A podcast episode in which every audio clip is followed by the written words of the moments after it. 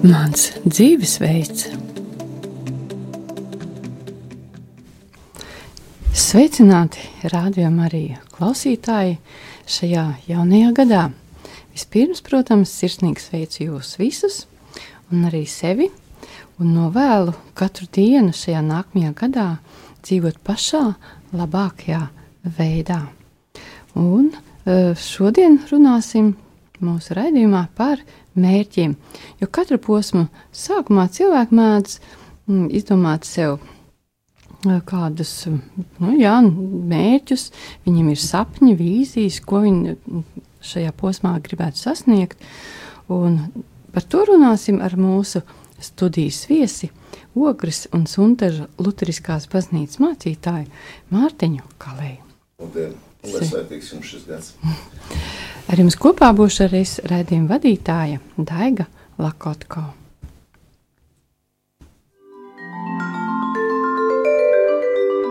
Kādas ir tavas izvēles ikdienā?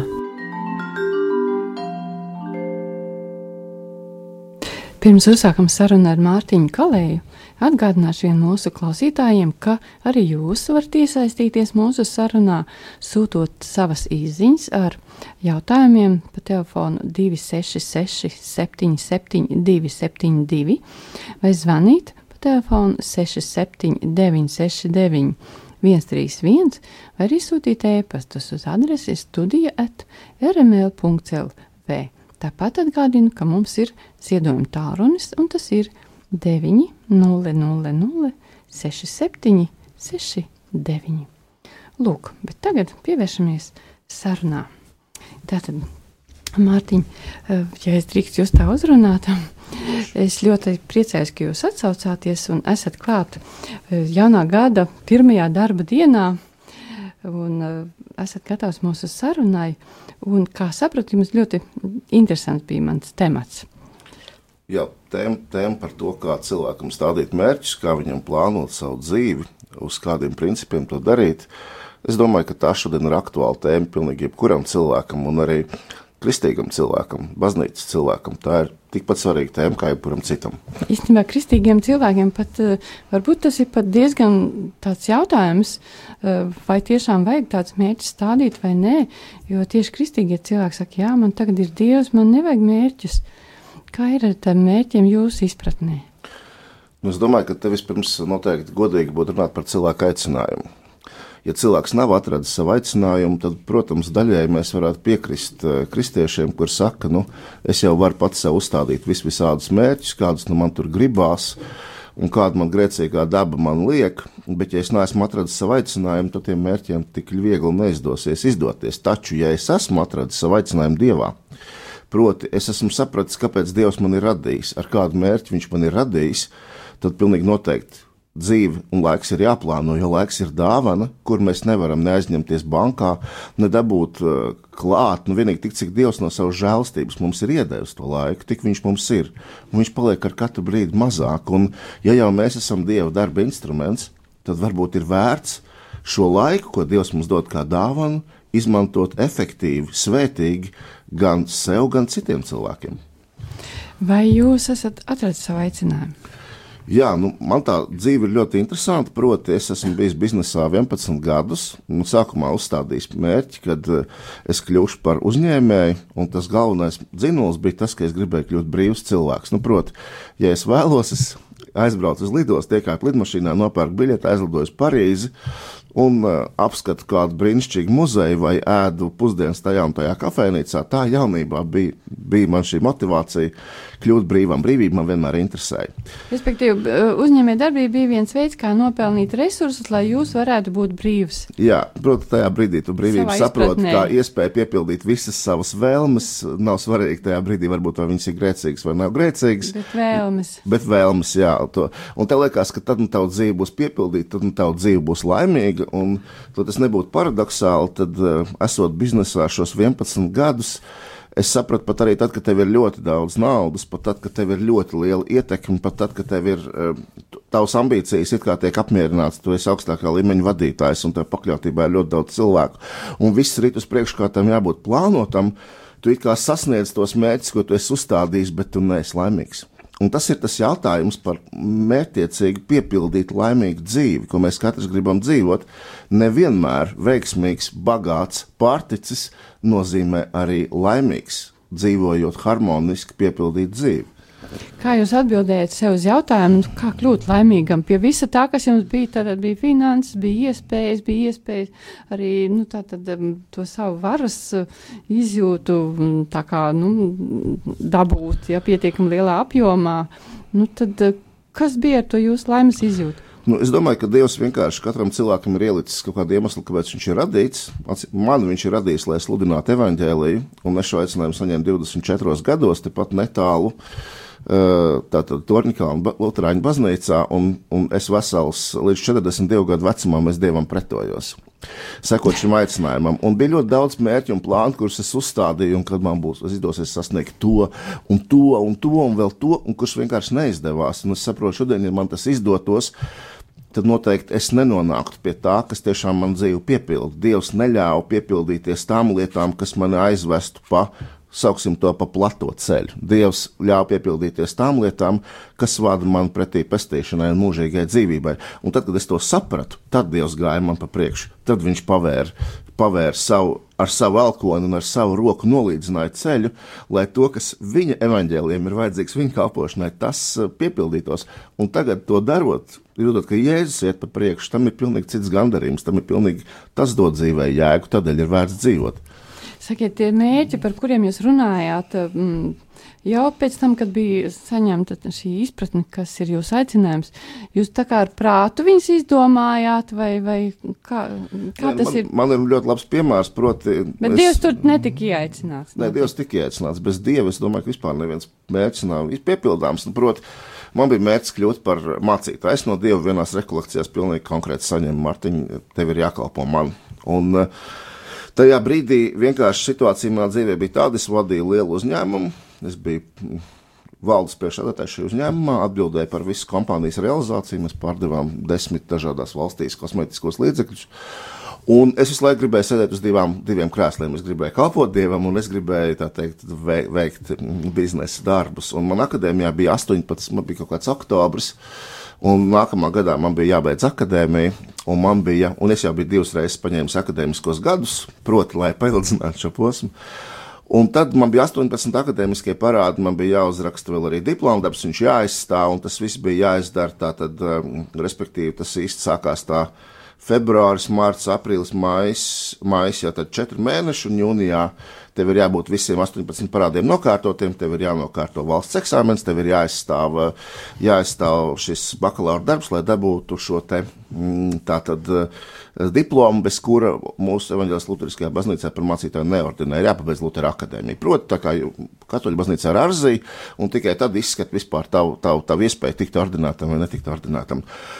Un tad es vienā brīdī, ejot garīgo līdzgaitniecību, proti, man ir garīgais līdzgaitnieks, jo klausītāji pazīstam ar ignācisko garīgumu, tad man ir garīgais līdzgaitnieks arī no manas baznīcas. Un, un vienā brīdī šajā sarunā um, viņš tā kaut kādā veidā Jēzus man ļoti pieskārās, un, un, un viņš man iedeva tādu pilnīgu pārliecību, ka dari to, kas tev ir jādara priekš, um, priekš šīs lietas, un visam pārējiem atmet ar malu, atmet ar roku. Un tad es vienkārši gāju pie uzņēmumā, pie partneriem, un es teicu, es stājos ārā no šī projekta.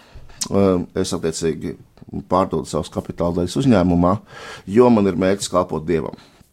Un, un tas bija tāds leciens, tas bija leciens absolūti nezināmajā, leciens uz galvas, un tad es faktiski no, pirma, no, no februāra, 1. februāra, es biju, tā teikt, visu to izdarījis, uzņēmuma reģistrā bija pārģistrēts, un tagad es veltīju to visu laiku tikai vienam, nokārtot 18 akadēmiskos parādus, nu, tas nozīmē, viens parāds ir viens semestra mācību viela. Protams, kaut ko es biju apmeklējis, un es lūdzu Jēzumu Katru dienu viņam lūdzu palīdz man nokārtot visu šo. Es saprotu, tam ir vajadzīgs brīnums. Tad, kad es tiku līdz diplomu darba aizstāvēšanai, eh, faktiski man bija nokārtoti visi parādi uz 31. māju. Savādāk man nepielaist pie diplomu darba aizstāvēšanas, un diplomu darbu uzrakstīšanai man palika septiņas dienas. Un tad es oh. nezinu, kādā veidā ar Jēzus žēlastību septiņas dienas guļot tur pa divām, trim stundām naktī man šo darbu izdevās uzrakstīt. Protams, nebija viņš augstākās kvalitātes.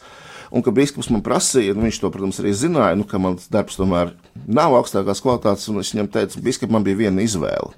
Vai nu vēl gadu vilkt laiku, vai sākt kalpot dievam to, ko dievs grib tagad, bet ar piedodiet struntīgi uzrakstītu diplomu darbu. Un gal galā es šo izvēli nebūtu nenožēloju. Un kas ir paradoxālākais? Dievs visas lietas ir sakārtojis, iedams man pa priekšu no tā brīža, tagad ir pagājis faktiski gandrīz jau tagad, tātad līdz ordinācijai gads, un tagad faktiski gandrīz divi gadi pagājuši. Un es varu teikt viennozīmīgi, kur es muļķis ātrāk biju, ka es ātrāk dievam neatsaucos un me, ne, un saprotiet, mēģināt pašam sakārtot savu dzīvi visos aspektos nav iespējams. Ja tur nav dieva, tad čiks tur vien sanāk.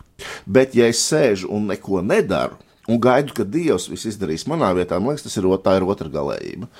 Un, un man patīk tāds, es neatceros, kurš to ir teicis no baznīcas tēviem vai cilvēkiem. Viņš teica tā, strādā tā, it kā viss būtu atkarīgs no tevis, un lūdzu tā, it kā viss būtu atkarīgs no Dieva. Un man liekas, tas tā, tāds labs atspēriens punkts jebkurai dzīves mērķu un laika plānošanai. Debes pūks ciena apstārots, jaundzimuša kungam gods, zemes bērniem miers un prieks, dievam atgūts grēcinieks. Līksmī dziediet līdz jūs ļaudis, to, ko debesis pūks mums paudis, lai dzird zemē pazemē,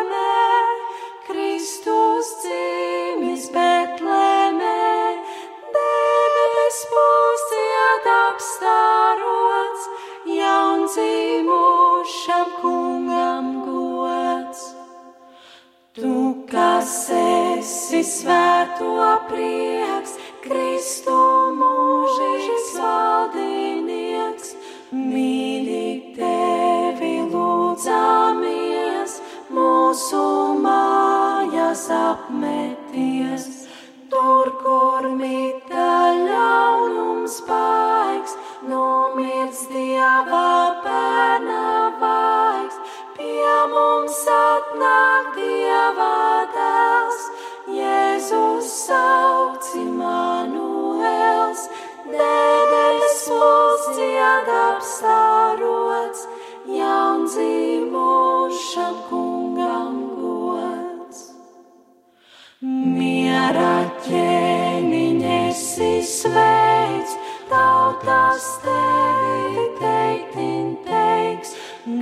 gaišu un laimīgs dzīves rīts, nu ir ļaudīm iezvanīts.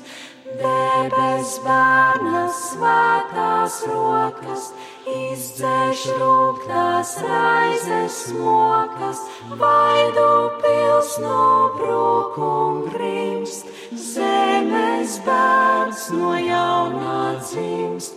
Debes mūs dzied apstārots, jaundzīmušam kungam gods.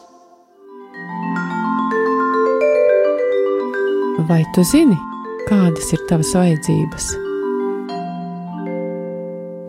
Pat labāk atkal atgriežamies studijā un turpinām sarunu ar mūsu raidījumu viesi, Ogres un Suntažu Lutheriskās baznīcas mācītāju Mārtiņu Kalēju.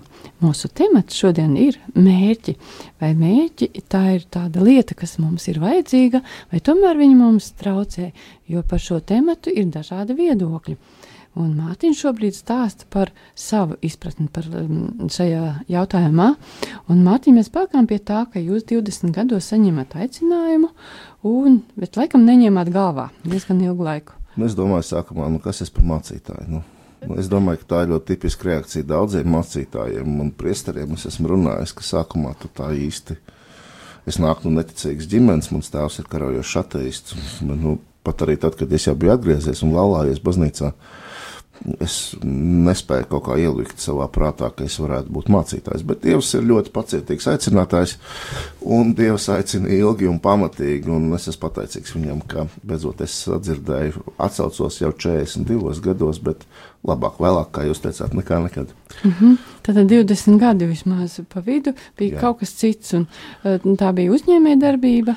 Pārsvarā tā bija uzņēmējdarbība. Nu, kad es biju jauns, man bija jāpabeidz augstskola, nu, kā jau tas visiem ir, ir pieņemts. Un, un, un, protams, tā galvenā doma tajā brīdī ir, ka tu gribi būt brīvs, un tu negribi strādāt pie kāda. Tu gribi pats veidot savu biznesu, un tad uzņēmums pats būt noteicējis par savu galvenais laiku un par to, uh, ko tu, kādus augļus tu, tu vari iegūt. Vismaz ko tu vispār dari? Laikam, jā, ko jā? tu dari. Jā. Un, un tad tas tā uzņēmējdarbība likās kā tāds loģisks solis, nu, kāpēc man jāstrādā kādam, ja es varu strādāt pats priekš sevis. Un es uzskatu, ka tā izvēle priekš tādu cilvēku kā es bija ļoti laba. Proti, toreiz gan es vēl biju pietiekami muļķis, ka es nesapratu, ka viss nāk no kā dieva dāvana, un Dievs kādu laiku arī man ļāva izkopt šīs prasmes, kuras vēlāk man kā mācītājam būs nepieciešams. Viņš man ļāva būt par vadītāju, viņš man ļāva iemācīties. Man bija paniskas bailes no publiskas uzstāšanās, no runas. Viņš man ļāva tās visas vajadzīgās lietas, es tagad varu atskatīties atpakaļ, attīstīt. Viņš vienkārši man veidoja, kamēr pienāks tas brīdis, kad es pats izaugšu, viņš man izaudzēs, nobriedīšu tam īstajam aicinājumam. Un Dievs tām lietām, kas aicinājumam palīdzētu, tām viņš ļāva notikt un tām, kurām ne viņš neļāva notikt. Un bija brīži, kad es nesapratu, nu, kāpēc es taču visu daru pareizi. It kā visu daru pēc tā, kā tiek mācīts, un rakstīts, un, un plānots, un plānoju dzīvi, un tam līdzīgi, bet lietas nenotiek. Un es domāju, ka tur ir tā dievišķā gudrība, ka Dievs redz visu mūsu dzīvi vienlaikus savā priekšā, un ir lietas, kurām viņš apzināti neļauj notikt. Un ir lietas, kuras viņš vienkārši katalizē, lai viņas notiktu. Mm, Sakiet, Mārtiņ, vai tātad tādā laikā, kad uh, jūs saņemat aicinājumu, bet darījāt visu kaut ko citu, tikai ne to, uz ko jūs tikāt aicināts, vai jūs uh, teiksim, tos izpratni par mērķiem jau izkopāt droši vien kā uzņēmējs. Vai jā, jums jā, bija sava izpratne par mērķiem, vai jūs izvirzījāt mērķus un, un kādā jā. veidā jūs to darījāt, un tas bija labi? Es domāju, ka nu, kā jebkurš cilvēks, nu, tev ir dots laiks, tu saproti, ka ir dažādas jomas tavā dzīvē. Tad ir Dievs, ir attiecības ar Dievu, ir attiecības ar ģimeni, ir tā profesionālā darbība, ir tava veselība, ir tavs ķermenis, ir tavs hobijs un atpūta, ir tavs finanses, ir kaut kādas radošās talantu dāvanas, kas tev ir dotas, kuras nu, tu vienkārši lieto kaut kādā mērā. Tad eh, tā, tā plānošanas lieta ir saplānot to dzīvi tā, lai tiešām nu, eh, tu varētu dzīvot daudz maz sabalansētu dzīvi, cik nu tas vispār ir iespējams. Mērķi palīdz sabalansēt. Es domāju, ka noteikti. Es domāju, ka ja tos mērķus stāda, pamatojoties uz, uz lūkšanu, ja mēs kaut kādā veidā uzticam to arī Dievam šo procesu, tad es domāju, ka jā, Dievs parāda, kurās, kurām, kurām lietām tev ir jāpievērš uzmanība. Nu, respektīvi, e, Nu, iedomāsimies, ka mūsu dzīve ir kā ritenis. Dažkārt visos šajos laika plānošanas e, kursos, nu, cik nu tie lektori nebūtu dažādi mācīti, viņi saka, tam ritenim ir jābūt Nu, nevar būt tā, ka tev viena vien profesionāla darbība tev ir izcilā stāvoklī, bet tava veselība tev ir galīgi. Tu par to vispār nedomā. Ja? Un uh, par savu ķermeni, par savu veselību, nu, par to tev Dievs ir uzticējis rūpēties un domāt. Un, ja tu, teiksim, nepievērs uzmanību tām lietām, kuras tiešām ir uh, svarīgas, bet nav steidzamas, tad vienā brīdī uh, nu, uh, tu pats esi sev radījis problēmas. Un man ļoti patīk tas iedalījums, kad ir lietas, kas ir svarīgas un steidzamas kad ir lietas, kas ir svarīgas un nav steidzamas, un tad mēs varam uzzīmēt šo, šo kvadrātu. Faktiski svarīgs, steidzams, tātad uh, svarīgs, nesvarīgs, steidzams, uh, nesteidzams. Un tad mēs varam vienkārši automātiski atmest to, kas mums nav svarīgs un nav steidzams. Mums, protams, ir jāizdara to, kas ir svarīgs un steidzams. Nu, bērns sasit pieri, piemēram, viņam tek asins, nu, protams, ka mēs iesim un to izdarīsim. Tas bet ir es, svarīgi un steidzami. Jā, tas ir svarīgi un steidzami, bet es domāju, tā cilvēka laime tās būtiskākās lietas slēpjas tajā kvadrātā, kas ir ļoti svarīgi, bet nav steidzami. Attiecības ar Dievu, manu radītāju. Tas ir ļoti svarīgs, bet nav steidzams. Ja es šodien nelūgšu Dievu, es nenomiršu tūlītās. Pēc Bet, ja es, pārstā, es pārstāšu lūgt Dievu vispār, es aizmaldīšos kaut kādā brīdī neceļā. Ja es šodien nerūpēšos par savu veselību, es varu kaut ko ielaist, un tas var būtiski atstāt ietekmi pēc mēneša, diviem, gada, trim, pieciem, septiņiem. Ja? Un te ir tā lieta, ka kas, kas nav svarīgs, tas, kas ir svarīgs, bet nav steidzams. Tur ir tā cilvēka laimes atslēga.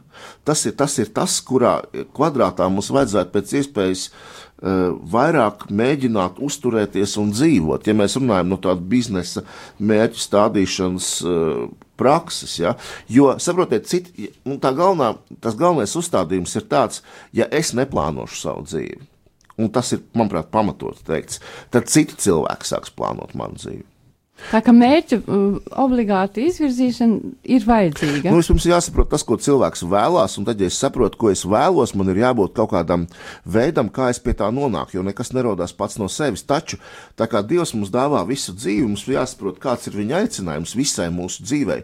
Un es parasti cilvēkiem man prasu, nu kā plānot laiku. Es saku ļoti vienkārši, ieplānojiet pirms desmit gadi, un tad plānojiet gadu. Un tā, kad jūs saplānojat gadu, tad plānojat mēnesi, un kad jūs saplānojat mēnesi, tad plānojat nedēļu, un kad jūs saplānojat nedēļu, tad plānojat dienu. Jo tas, tas tālais mērķis, ja? Jo savādāk, saprotiet, nu, tas ir tāpatās, kā ir tas stāsts par to, kā pasniedzējs lika uh, stikla traukā dažādas priekšmetus. Viņš mums ielika lielākos akmeņus un prasīja, vai trauks ir pilns, un studenti teica, viņš ir pilns, un tad viņš satika mazākos akmeņus un prasīja, vai trauks ir pilns, un studenti teica, nu jā, viņš ir pilns, un tad viņš sabēra vēl pavisam sīkus akmentiņus, un studenti prasīja, vai trauks ir pilns, un viņš teica, nu, tad viņš sabēra smiltis.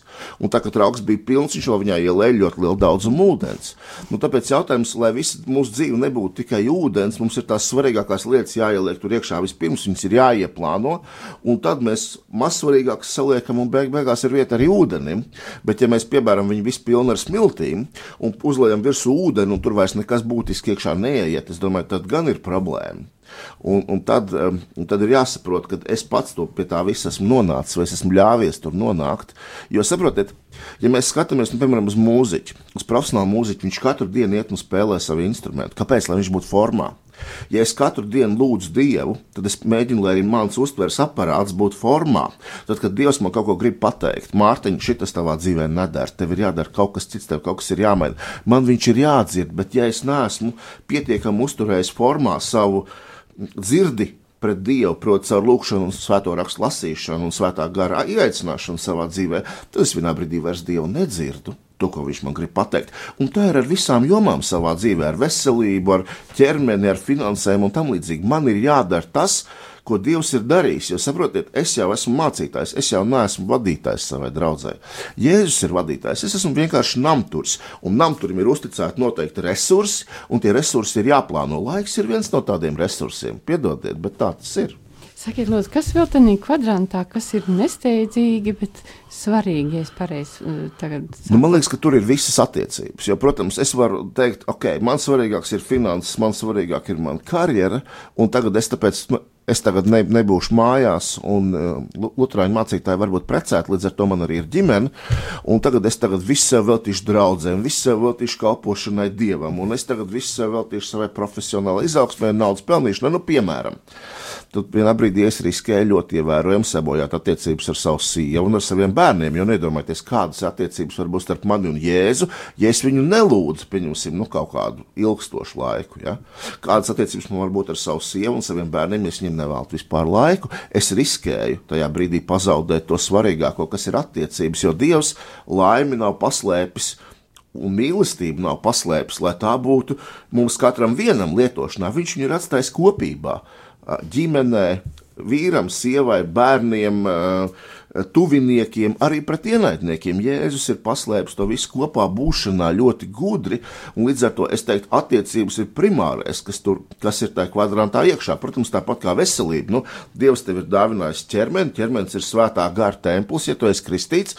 Nu, Jautājums, kā tu izturies par to templi, tā ir tava tīra atbildība, un ja tu neplānos to, kas attiecās uz tavu ķermeni un tavu veselību, nu, kurš tad to piedod? Kas plānos? ir tās lietas, ko tur vajag attiecībā uz, uz ķermeni? Nu, es domāju, nu, tādā, tādā veidā, lai tu pēc iespējas ilgstošāk būtu vesels. Nu, un es domāju, ka disciplīna ir tas vārds, arī man reizēm viņš klibo. Proti, ka tev ir vajadzīga, lai lūgtu Dievu regulāri, ir vajadzīga disciplīna, lai veltītu kaut kam laiku, ir vajadzīga disciplīna. Un dzīves plānošana, viņa tev palīdz pieturēties pie šīs disciplīnas. Jo, ja man nav disciplīnas un es vispār nekādu laiku neveltu, savai veselībai, ja, vai savam ķermenim, nu, protams, es nekad neveicu nekādas fiziskās aktivitātes, vai es neskatos, ko es vispār ēdu un cik daudz es ēdu un tam līdzīgi, tad vienā brīdī pēkšņi var eh, rasties no tā, var rasties zināma problēma manā dzīvē. Proti, pēkšņi šis ķermenis, šis instruments, viņš pārstāja funkcionēt tā, kā viņam jāfunkcionē, mēs saslimstam. Un tajā brīdī mēs vairs nevaram nekalpot, neveltīt attiecības saviem tuviniekiem, ne kaut kādā veidā nodarboties ar, saviem, ar savu hobiju vai talantu, ko Dievs man ir devis, jo šajā brīdī es vienkārši neesmu pietiekami uzmanību pievērsis kādai konkrētai svarīgai savu dzīves jomai un atstājis viņas novārtā. Jo organisms saka, stop, vai ne? Tieši tā, un tāpēc cilvēki bieži saslimst. Viņi strādā, strādā, viņi pārstrādājās, izdeg, un tad viņi saslimst. Un tad mēs saprotam, kāpēc, kāpēc Dievs es esmu saslims. Tāpēc, ka tev varbūt vajag norimt, tāpēc, ka varbūt kaut kā ir pa daudz tavā dzīvē. Mm -hmm. Un man liekas, tas ir tāds labs veids, kā Dievs mums reizēm noliek pie vietas. Varat pastāstīt kādu savu labu ideju un kā rūpēties par savu organismu? Kas ir jūsu tie Es, labie es, es domāju, ka nu, vajag atrast to, kas tev palīdz, kas tev patīk. Es domāju, dažkārt um, Kas visā jums patīk? Man patīk, man patīk braukt riteni un man patīk peldēt. Tās ir divas lietas, kas man tiešām patīk. Nu, ar to skriešanu ir tā, ka es labāk eju nekā skrienu. Es man ir pietiekami liels svars un, attiecīgi, līdz ar to ceļgaliem tas nav labi. Bet man ārsts saka, Mārtiņ, velosipēds un peldēšana tās ir divas lietas, kā tu vari rūpēties par savu ķermeni. Un tā kā ir disciplīnas jautājums, man liekas, ka ļoti bieži visas lietas atdurās par vienu lietu - disciplīnu. Kā, nu, un disciplīnu var tikai iemācīties, ejot maziem, sīkiem solīšiem. Nu, parasti cilvēks saka, tā, opā, man ir liekais svars, tur 20 kg. Es tagad, tūlīt šogad, 1. janvārī sākšu, un gada beigās man būs 100. Nu, piedodiet, nebūs 100. Vajag izkopt paradumus un iet maziem soļiem. Uzstādi mērķus pirms 5 kg. Tad tev jāsaprot, kurā brīdī pakonsultējies ar kādu, kurš tev pateiks, ka tas ir reāli. Nevis tā, ka tagad mēnesi nēdu, nometu 5 kg pārēdos un dabūnu 10 atpakaļ. Ja? Klasiskais piemērs. Bet kāds, kurš pasakā, klausies, varbūt pārstāj ēst pēc pusdienas pieciem, vai pēc pusdienas pieciem izdzer glāzi kefīra, ja tev ļoti gribās ēst. Un varbūt katru dienu aizēj un 30 minūtes vienkārši pastaigājies. Vai, ja tev nevar, tad nopērc suni, tev būs kāda iespēja ar suni aiziet pastaigāties, nu, kurš tev izvedīs ārā. Un tā tu konstatēsi, ka varbūt pēc diviem, trim, četriem mēnešiem, kilograms mēnesī, tu esi ticis, ka tev 5 kg mazāk. Nu, lieliski, uzstādi nākamo mērķi. Nevajag tos mērķus likt milzīgus, grandiozus, fantastiskus. Pietiks ar maziem mērķiem un maziem sīkiem solīšiem. Respektīvi, tas, ko jūs redzat, ka uh, būtiskākais nav skatīties uz tiem kilogramiem, bet mazliet pamainīt to savu sistēmu, kā mēs dzīvojam, un tad tie mazie mēķīši vieglāk atnāk. Es domāju, ka vispār visa lieta ir saistīta ar to, ka, ja es kaut kādus citus rezultātus vēlos savā dzīvē, man ir jārīkojas savādāk. Tas nozīmē, ka man ir jāizstrādā savādāki paradumi. Nu, man ir jāizstrādā paradums, kad es lūdzu Dievu un, rakstu, un lasu svētos rakstus. Tam ir jābūt paradumam, jo, ticiet man, ja es to nedarīšu, Velns ir ļoti darbīgs. Viņš atradīs, ko iebāzt tajā vietā. Piedodiet par Tur izteicienu. televizors. eh, televizors, vai tas būs kāda cita cilvēka pēkšņa vajadzība, vai vēl kaut kas. Un tajā brīdī, teiksim, es, kad lūdzu Dievu, es vienkārši izslēdzu mobilo telefonu. Man neviens nevar tajā laikā piezvanīt, viņš ir uz kluso režīmu, es beidzu savu lūgšanu, es apskatos, kas man ir zvanījis, es vienkārši atzvanu. Mums dažkārt liekas, ka telefons ir kaut kas, kas kontrolē mūsu dzīvi. Teiksim. Tev obligāti vienmēr ir jāpaceļ ienākošais telefona zvans. Nu, tā nav. Pat teātrī, jā. Jā, nu, piemēram, jā. Es, es domāju, tieši tā. Un tāpēc es domāju, ka ir, ir būtiski tām lietām, kas tiešām ir svarīgas, atvēlēt laiku. Nu, ja tu velti laiku ģimenei, nu, tad velti laiku ģimenei. Nu, neatbild uz telefona zvaniem, ja tas ir tavs brīvais laiks no darba, ja vien tas ir iespējams. Nu, ja tu velti laiku dievam, nu, tad tu velti laiku dievam, bet ieplāno, ka tas būs. Dažkārt cilvēki dzīvo laulībā. Un tad viņi domā, ka tā laulība pat no sevis funkcionēs un pat neieplāno laiku pārī. Nu, man liekas, tas ir laba lieta, ja mēs esam laulībā, mums jau ir bērni un mums ir daudz pienākumu. Arī ieplānot laiku pārim, ieplānot laiku, kad mēs divi tā varam aiziet, es nezinu, uz filmu, vai uz teātru, vai uz kafejnīcu, vai vienkārši parunāt, vai kopīgi pastaigāties. Es domāju, tas ir ļoti, ļoti svarīgi, jo, ja jūs to neieplānosiet, nu kurš to ieplānos jūsu dzīvē? Neviens. Respektīvi, visas lietas, kas mums ir dotas, ir eh, ar viņām mums jāmācās apieties. Ja? Ar laulību, ar eh, šo pašu, nu, jā, ar veselību, ar māju, ar, ar to, kas mums ir dots, mums par to ir jārūpējas. Un ir jā, jāatrod veids, kā tikt ar, to, ar šiem saviem uzdevumiem galā pašā labākajā veidā. Un tur ļoti labi nodara plāns, kā es sadzirdēju. no Plāns un disciplīna.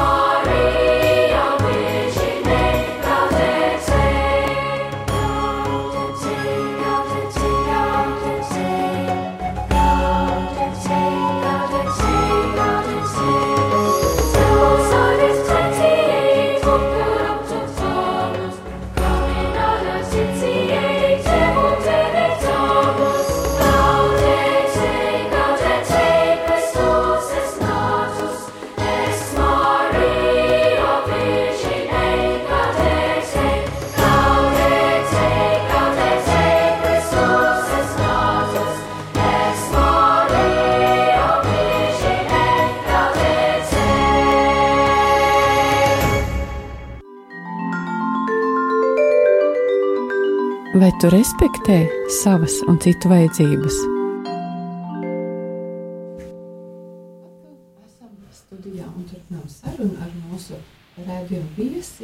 Un un Suntažu Lutriskās baznīcas mācītāju Mārtiņu Kalē. Mēs palikām pie, pie tā, ka plānošana Tā ir vajadzīga lieta, tā palīdz sakārtot mūsu prioritātes, ievieš kārtību mūsu dzīvē, eh, bet nevajag arī, laikam, iebraukt tādā otrā grāvī, kad, kad mēs pa daudz saplānojam. Jā, es pareizi sapratu, Mārtiņ. Protams. Un eh, jūs um, darbojaties Ogres un Suntažu um, Lutriskajā baznīcā jau cik? Tagad uh, Ogres un Suntažu Lutriskajā baznīcā es esmu no oktobra nokomandēts tur no biskupa mm, būt par vienīgo mācītāju. Un līdz tam es kalpoju Rīgā eh, Mārtiņa, Mārtiņa draudzē kā otrais mācītājs. Mm -hmm. Vai tā ir liela saimniecība? Nu, saimniecība ir pietiekami liela, jā, jo ogr, ogras draudz ir paliela draudze, eh, pie tam aktīva draudze, eh, kura vēlās, protams, vēlās, lai notiktu notiktu ļoti daudz dažādas aktivitātes. Tur īpaši tās aktivitātes mēs koncentrējamies vairāk uz ģimenēm, uz pāriem, uz uh, mātēm ar bērniem. Mēs, mūsu tas mērķis ir vairāk tā kā kalpošana ģimenēm, un uh, mēs to redzam, mēs gribam, lai ogres draudz būtu tāda vieta, kur cilvēki varētu, nu, kā moderni šodien saka, atbraukt un uzlādēt baterijas. -hmm. Un tad, attiecīgi, tas, lai tas viss varētu notikt, mums darbs traudzē sadalīts jomās, katrai jomai ir savs vadītājs un e, noteiktu kompetenci robežās šim vadītājam ir brīvība darīt to, ko viņš uzskata par vajadzīgu, regulārs sapulcs, ir tāpat mērķu stādīšana, skatāmies, bet, protams, kad viss pamatā pirmā lieta ir lūkšana. Un, un es te vienmēr atceros Mārtiņu Luteru. Luters ir viens no produktīvākajiem teologiem pēc tā darbu daudzuma, ko viņš ir sarakstījis. Un Lutheram prasīja, kā tu tiec ar to visu galā. Viņš teica, tas ir tāpēc, ka es trīs stundas dienā lūdzu Dievu. Tur... Mātiņ, vai Jā, es, es redzu, ka tas ir pietiekami liela apjoma darbs. Kā jūs uh, darbojaties? Vai šeit notiek arī tas, ko jūs saucāt par plānošanu? Vai jūs viens pats plānojat, vai kopā nē, ar citiem? Nē, un... nē, mums ir tātad pirmkārt ir draudzes valde un padome. Proti, valde ir tā operacionāla institūcija, kas izpilda tos lēmumus, kurus padome viņai arī uzdod izpildīt.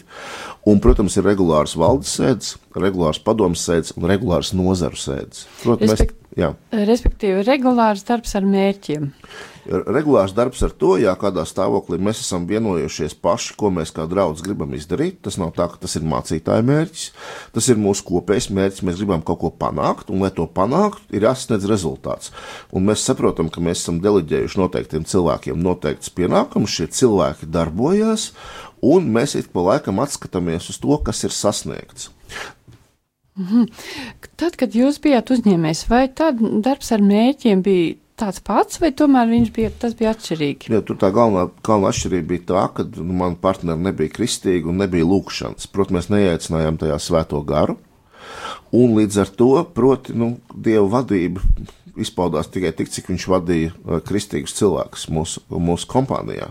Tagad tas viss ir no otra gala. Mēs sākam ar lūkšanu, mēs Dievam izvirzām, lūdzam Dievam, lai viņš mums atklāja, ko tad viņš vēlās, un katru reizi mēs lūdzam tā, ka mēs sakam, Dievs, tas, kas ir no tevis, tas lai paliek, un tas, kas ir no mums, bet nav pēc tava prāta, tam tu neļauj notikt.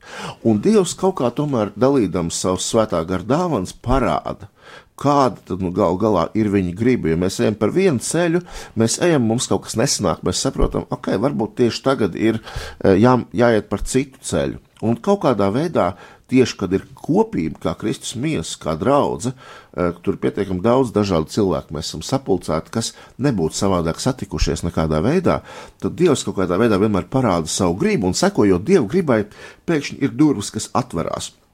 Protams, ir viens cilvēks jautās, kas man no tā, un es ieteiktu tādu ļoti vienkāršu elementāru mehānismu, un proti to sauc par atskatu lūkšanu vai par derības lūkšanu dažādās kopībās savādāk.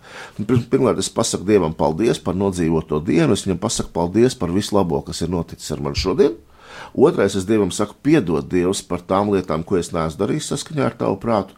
Un es saku, trešā lieta, es saku Dievam, palīdz man, palīdz man ar tām lietām, ar kurām es netieku galā Es uzskatu, ka šis, šī atskata lūkšana ir, ir veids, kādā, kas kā Dievs svētī mūsu laulību.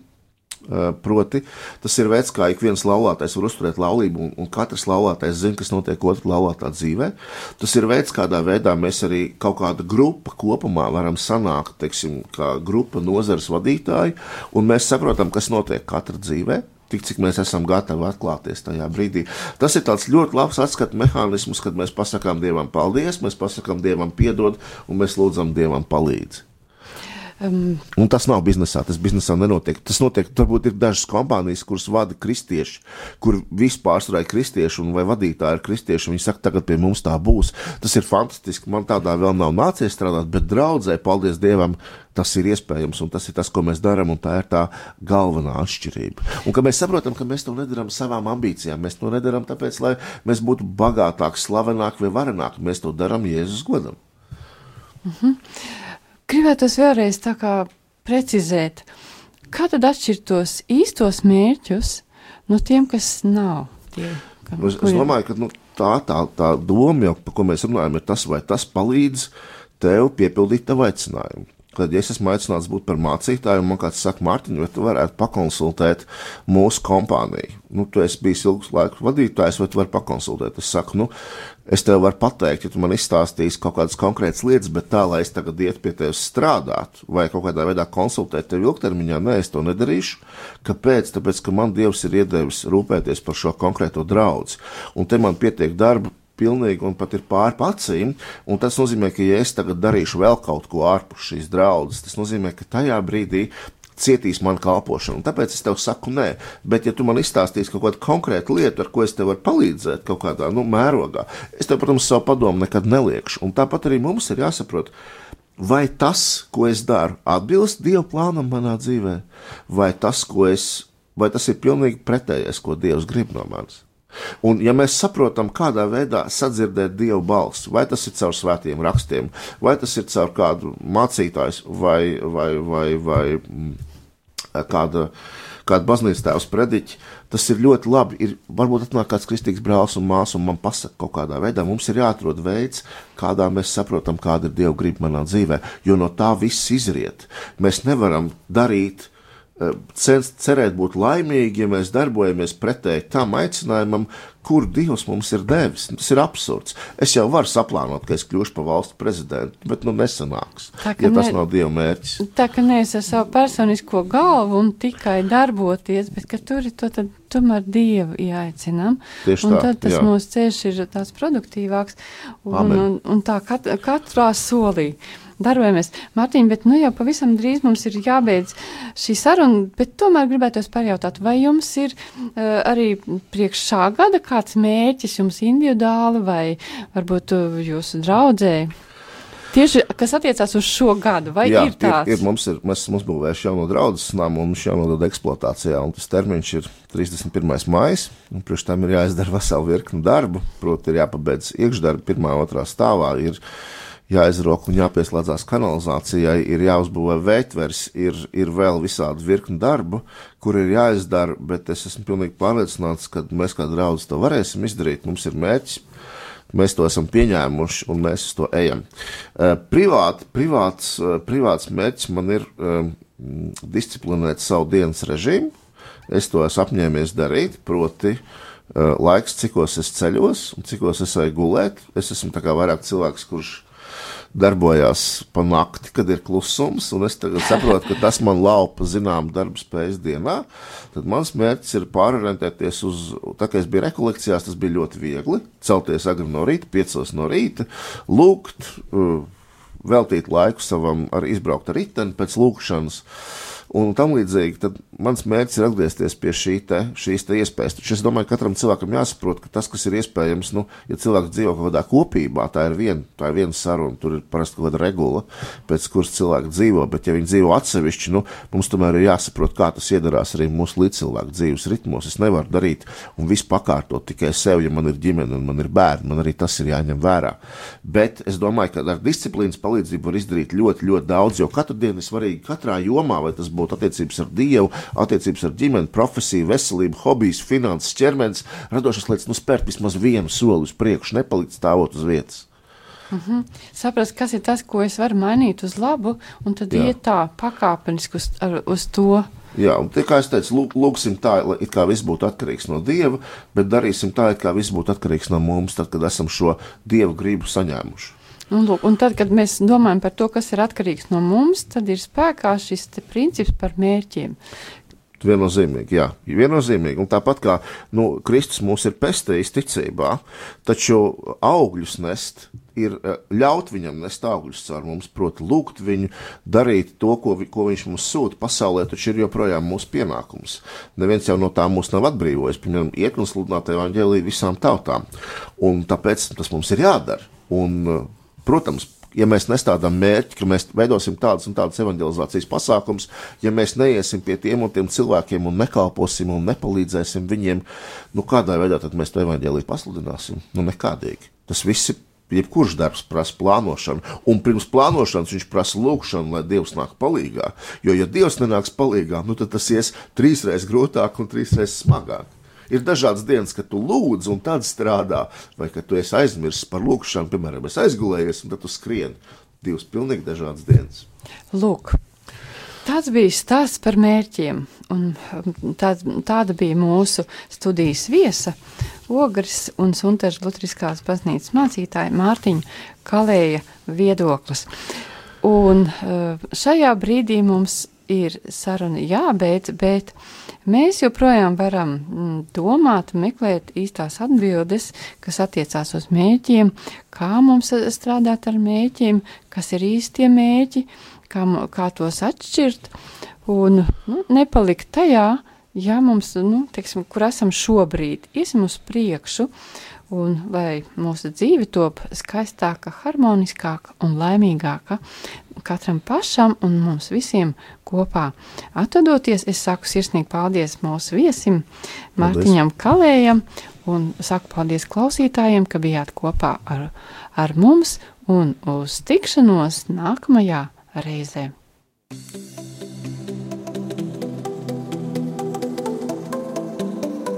Mans dzīvesveids